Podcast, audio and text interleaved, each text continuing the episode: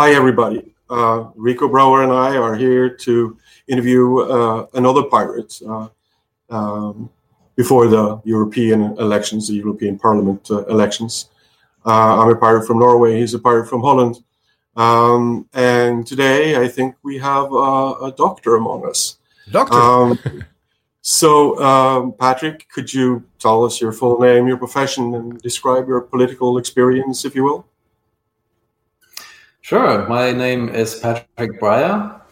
I'm uh, in the legal profession and I'm a civil liberties activist and a longtime member of the German Pirate Party. And um, yes, I, I do a lot in the domain of um, protecting civil liberties and uh, I have a little political experience because I was a member of the regional parliament in, here in Schleswig-Holstein in northern Germany for five years for the Pirates, and um, I'm the lead candidate for the upcoming EU elections for the German Pirate Party. Thank you. Um, could you tell me a little bit about the history of the Pirate Party of Germany? Uh, really short, maybe. Yes, sure. It was uh, founded in um, 2006. I was one of the founding members. It was very small, but it grew soon. And um, basically, it stands on the same platform as, as other pirate parties. So, um, civil liberties, um, transparency, um, reform of copyright law, um, yes, direct democracy, such like. And um, in 2011, the Pirate Party, for the first time, managed to enter the Berlin regional parliament. Um, uh, they got, I think, about 7% of the vote. And consecutively, we um, entered three more regional parliaments, uh, but um, didn't manage to get five past the 5% threshold in recent years. And um, fortunately, there is no for the election to the European Parliament. Okay, so uh, a little bit about you. Um, what are the causes that lies the closest to your heart? Well, as I was saying, um, I'm a civil liberties activist. I'm a data protection expert. Uh, so I wrote my thesis on um, data retention on the indiscriminate retention of telecommunications data, which I found to be incompatible with um, human rights and disproportionate. And I'm glad that the European Court of Justice um, has decided the same. And I have since often sued the government uh, over surveillance laws. Um, for example, um, scanning uh, license plates, ANPR, or um, access to subscriber data, um, or I sued the government over, um, you know, logging all visits to their websites, logging our online activities on government websites. That was the case where the European Court of Justice decided that IP addresses are protected. You might heard of it. And um, I also sued the Commission over not disclosing um, documents on data retention and won that case. Um, most recently, I filed a complaint um, about uh, keeping the iBorderCtrl secret, which is about um, developing a, a, so-called video lie detector um, that is supposed to detect from a video image of people wanting to enter the EU whether they might be lying. And of course, it's voodoo technology, and they don't want to disclose the numbers. They don't want to disclose the ethics, and um, yes, that's why I'm called um, suing the commission over that secrecy. So um, I've been active in the working group on data retention, which is a German um, NGO. I'm in touch with um, EDRi and um, just met them um, this week at the um, at the at a Barcamp in in Berlin, the re:publica, and um, yes, I'm in touch with Civil Liberties Group, and that's definitely uh, my passion, my passion defending um, our liberties, right to privacy, and also the internet Thank you. Um, I would be happy to uh, have you in the parliament getting some knowledge in there on these areas. Uh, is sorely needed. Uh, so uh, good luck if you get elected. Good luck uh, in there. Now, a little bit of a touchy um, subject. There was a, a controversy uh, surrounding one of your candidates. I think he was number two on your list. If you like, you can talk a little bit about that, address it, or and maybe also the Me Too uh, EP pledge that I've been seeing circulated by you and several others?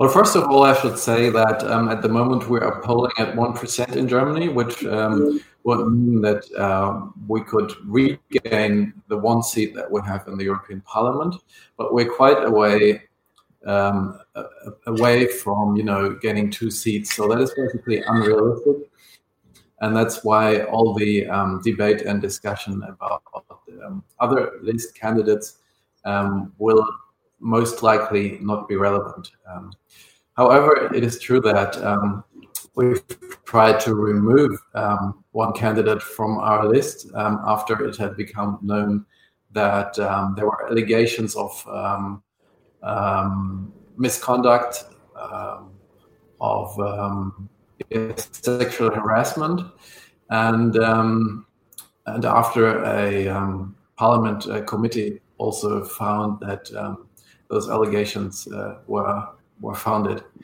Uh, however, um, the um, election authority refused our request to remove him from the list um, because the candidate didn't cooperate and because uh, once all documents are submitted, it is not possible to retract um, a candidate. So therefore, there was a controversy about people saying, you know, why didn't you act earlier? Why didn't you act differently? Um, basically, it was uh, it turned out to be a mistake to have uh, party, and that is very unfortunate, especially because we want to send a clear message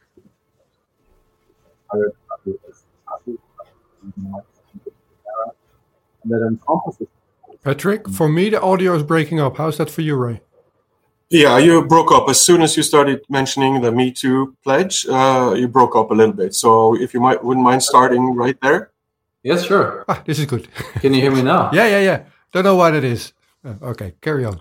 That's good. Thanks for pointing it out to me.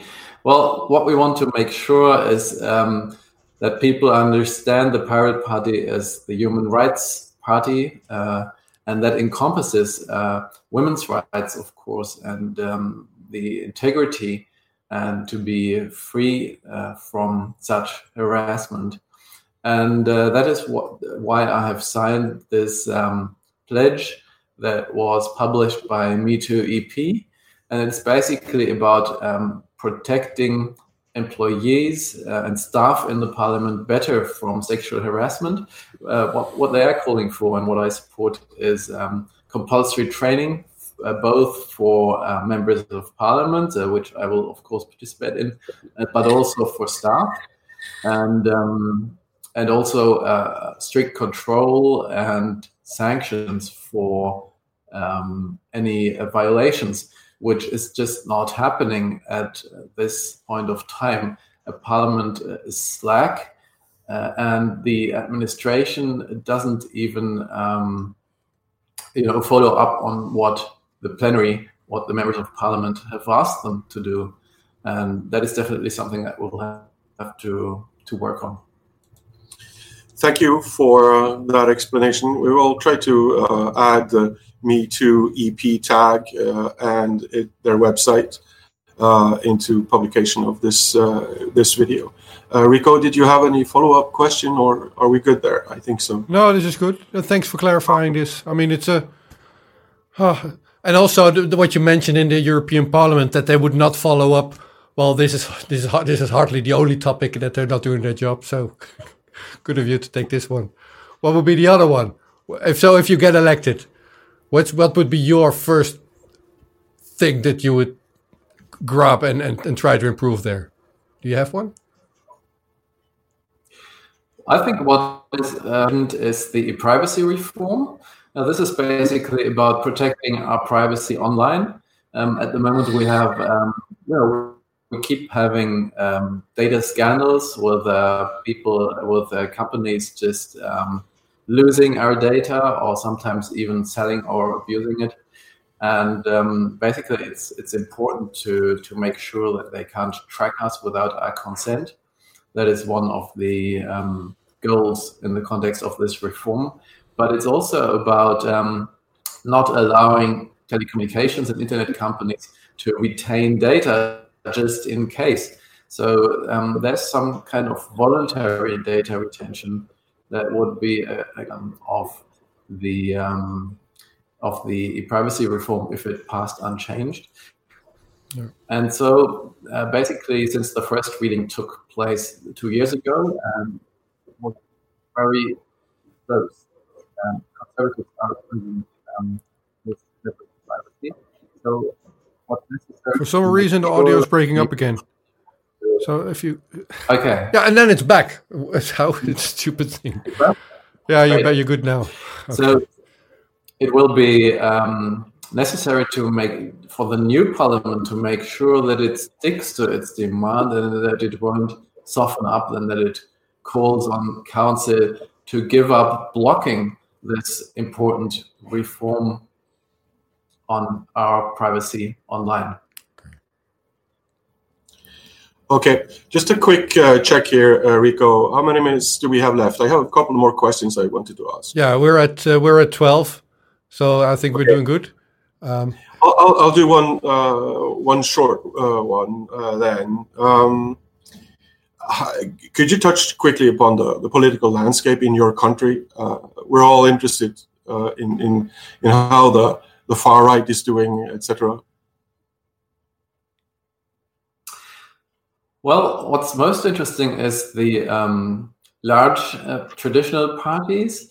Um, they've long dominated the political landscape in Germany, but um, the Social Democrats have lost a lot of trust. And so they're down from like 30 to only about 15% at the moment uh, because they just keep giving in to anything.